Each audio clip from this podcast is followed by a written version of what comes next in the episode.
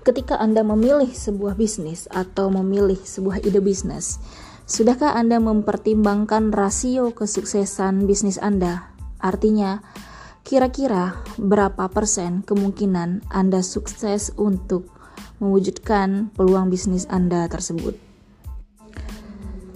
Pengusaha sering gagal karena mereka memulai bisnisnya dari ketidaktahuan kekuatan mereka. Jadi, langkah pertama setelah Anda memutuskan untuk memulai berwirausaha sebagai jalan hidup Anda dengan menggali explore your personality strength style. Pepatah mengatakan langkah awal untuk memengaruhi langkah akhir. Pertandingan banyak diakhiri dengan kekalahan karena Anda tidak dapat mengenal siapa diri Anda dan di mana Anda berada. Maka, Anda harus mampu mengidentifikasi bagaimana personality style Anda yang cocok dengan karakter bisnis Anda. Sehingga dengan cara tersebut, Anda akan bisa menentukan peluang bisnis mana yang akan Anda pilih.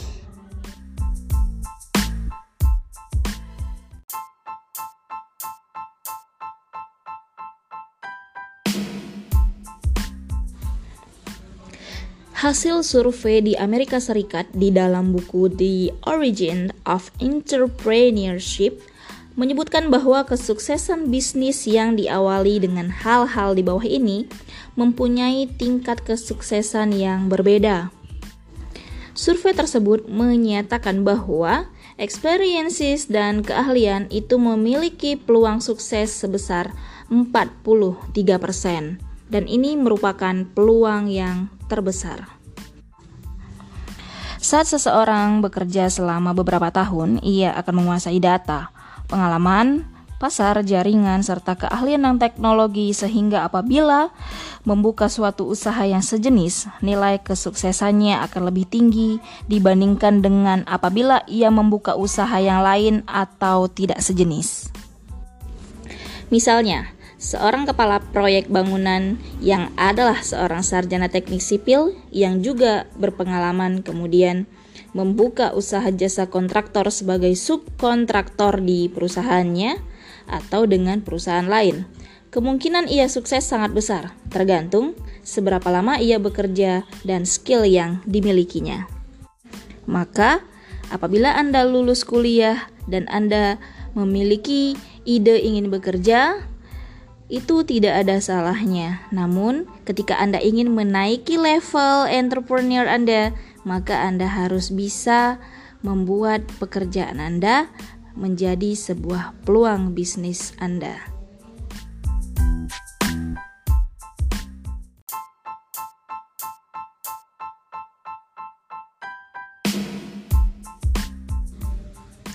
Berikutnya yaitu environment dan usaha sendiri. Setelah melihat dan mengamati orang lain memulai usahanya, memiliki persentase sukses sebesar 15%. Bila Anda adalah seorang yang ingin memulai usaha tetapi bingung harus memulai dari mana, maka cara ini juga tidaklah buruk. Dengan melihat orang lain membuka usaha dari awal, Anda bisa berkonsultasi dengan orang tersebut dan ikut-ikutan dari awal serta langsung mencoba sendiri dengan produk yang juga sama atau berbeda. Cara ini bisa berhasil apabila orang yang dilihat dan diamati mau membuka teknik-teknik dan data-data kepada Anda. Biasanya orang tersebut adalah seorang teman akrab, saudara, ataupun orang tua. Namun ingat, di dalam berbisnis kita juga harus memperhatikan etika-etika berbisnis.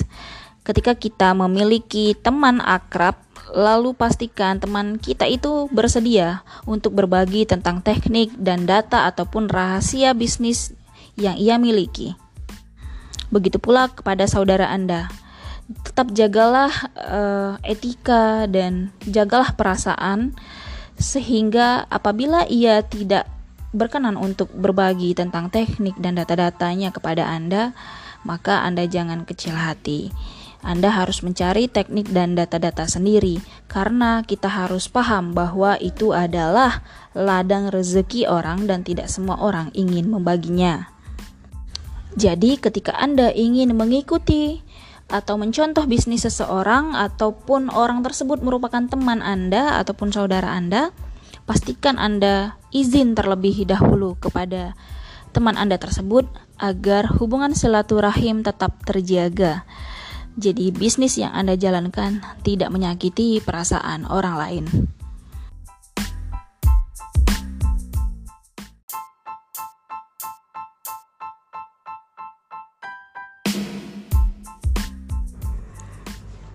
Kemudian Anda akan bisa memiliki kesuksesan yang probabilitasnya adalah 11%, yaitu menemukan sebuah peluang dan perubahan yang akan menimbulkan inspirasi dan peluang yang baru.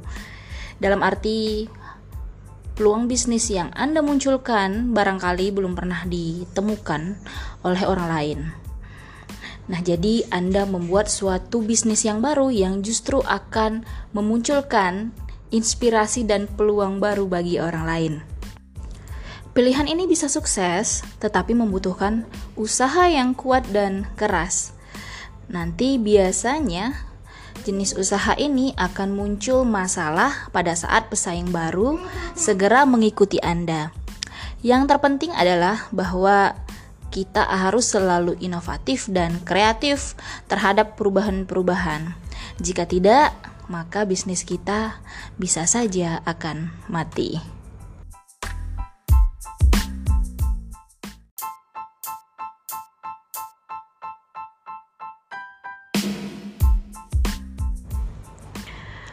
Lalu penemu, tenaga ahli, desainer, dan periset ulung biasanya memiliki kemungkinan sukses itu sebesar 7%. Cara menemukan peluang seperti ini sangat lama dan memerlukan ketekunan yang tinggi serta keteguhan hati. Saat era revolusi industri, banyak penemu hebat yang lahir, seperti Sir Isaac Newton, Thomas Alva Edison, Graham Bell, Wright bersaudara, Louis Pasteur, Galileo, dan lain-lain. Tetapi hanya sedikit dari mereka yang mempunyai sense of business. Hanya merekalah yang sukses karena didukung oleh skill atau kemampuan entrepreneur, sehingga banyak penemu, pelukis, dan yang lainnya yang miskin karena hasil temuannya tidak bisa dijual karena mereka tidak mempunyai entrepreneur skill yang kaya adalah orang yang mampu membaca peluang dan yang mempunyai selling skill yang kuat.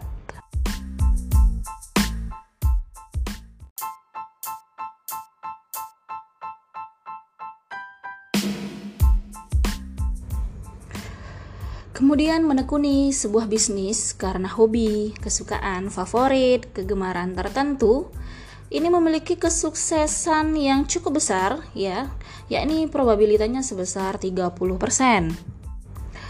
Hobi yang Anda miliki bisa menjadi sebuah peluang bisnis. Tetapi bila tidak didukung dengan skill bisnis yang kuat, maka hobi tinggal hobi dan mimpi tinggal mimpi. Misalnya, Anda hobi bermain game Mobile Legend atau PUBG kita lihat sekarang banyak orang memiliki penghasilan dari hobi tersebut. Maka bila Anda salah satunya dan Anda memiliki hobi tertentu, maka rajinlah berlatih, terus menjadi ahlinya di bidang itu dan jangan lupa kuasai skill bisnis, maka Anda akan bisa sukses dalam bisnis. Contohnya, misalnya Anda hobi mengoleksi selendang, lalu Anda membuka butik. Kemudian Anda hobi menjahit, Anda akan membuka sebuah konveksi. Anda hobi melukis, lalu Anda membuka galeri. Anda hobi mengutak-atik membuat pernak-pernik, Anda membuka toko souvenir cantik. Kemudian Anda hobi berolahraga, Anda membuat alat-alat atau toko olahraga hobi mengutak-atik mobil, lalu Anda membuka bengkel dan servis. Tentunya masih banyak lagi peluang bisnis dari sebuah hobi yang saya yakin di zaman sekarang begitu unik hobi-hobi yang dimiliki oleh orang-orang, maka coba Anda putar otak, pikirkan kira-kira peluang bisnis apa yang bisa Anda hasilkan dari hobi Anda.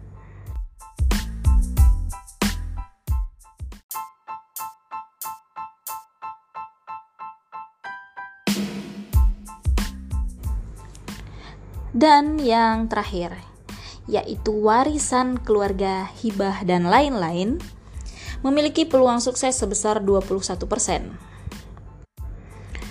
Tentunya itu angka yang lumayan ya, 21%. Nah, namun hal ini tidak bisa kita bahas lebih lanjut ya, lebih jauh lagi karena jenis usaha ini hanya tinggal melanjutkan saja.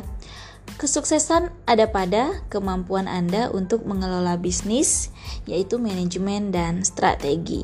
Maka, kekayaan yang orang tua Anda miliki ataupun warisan yang Anda dapatkan apabila Anda tidak mampu mengelolanya dengan cara yang efektif dan efisien, maka usaha tersebut juga akan dapat mengalami kegagalan. Nah, selanjutnya kita akan membahas tentang tujuh hal yang harus Anda perhatikan bila Anda ingin memasuki sebuah bisnis. Mari kita bahas pada segmen selanjutnya.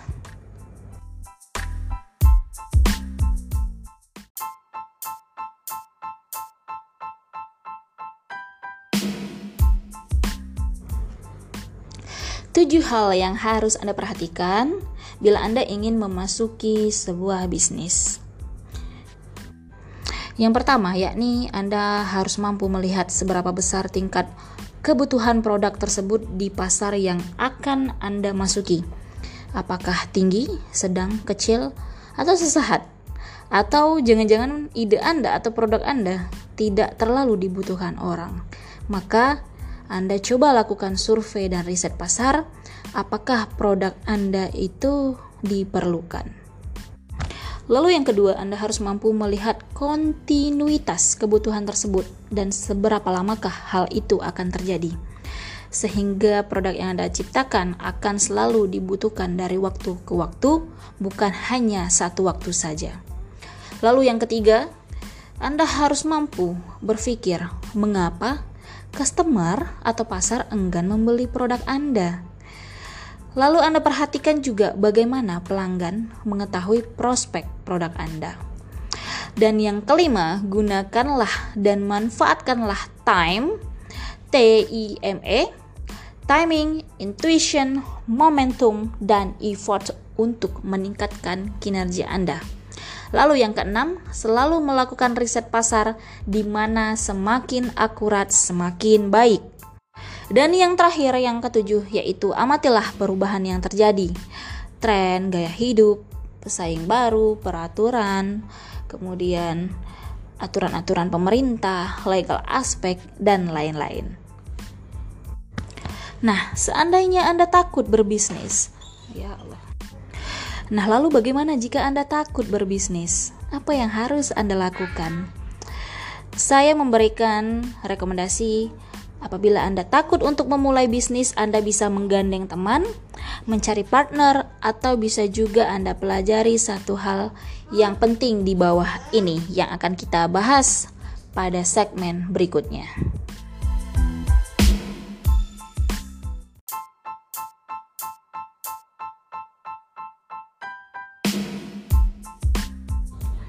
Ketika Anda ingin membuat suatu bisnis yang besar, hal yang perlu Anda pikirkan yaitu sebuah tim. Di sini kita menyebutnya the business team skill. Jadi, banyak orang yang bermimpi untuk menjadi pengusaha.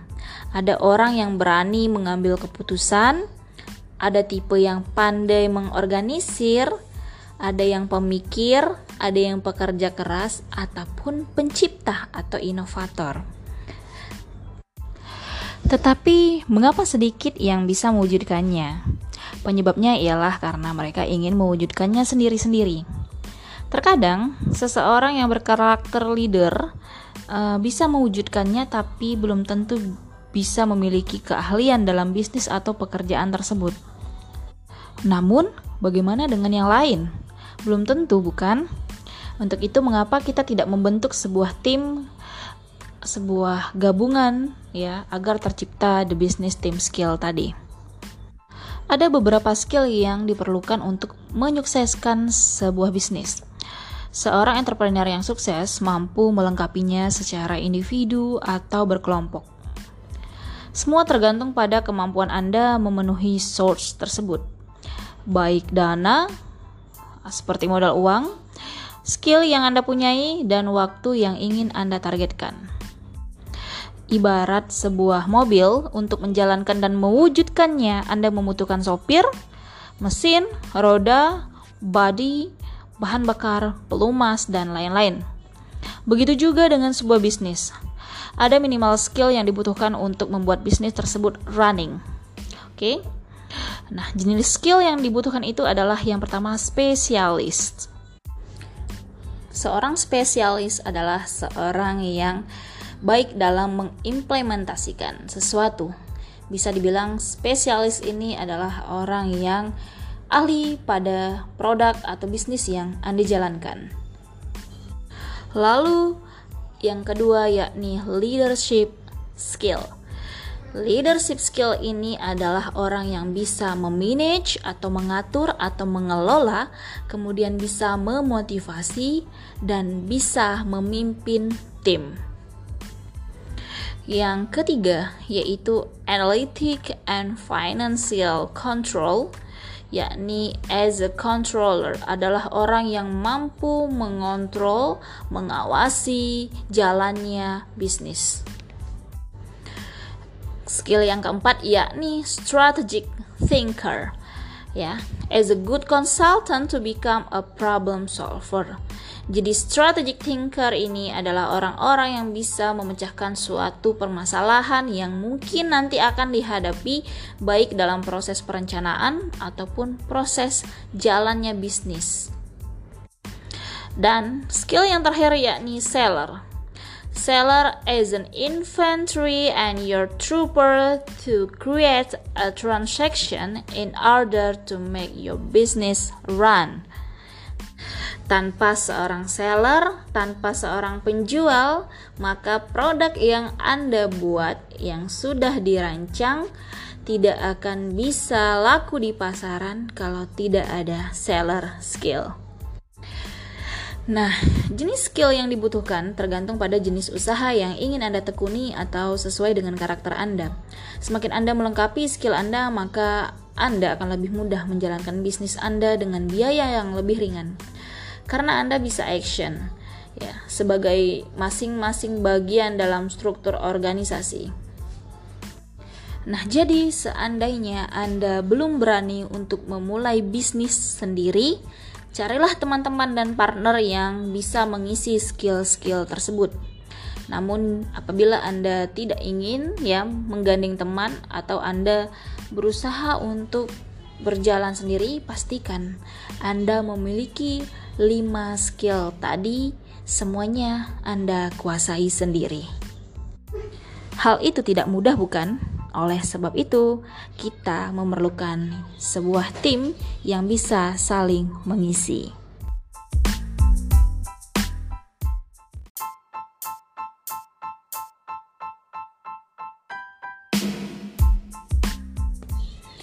Dan ini adalah segmen terakhir yakni kita membahas tentang kegagalan sebuah peluang. Apa saja yang dapat menyebabkan peluang yang Anda miliki itu gagal direalisasikan?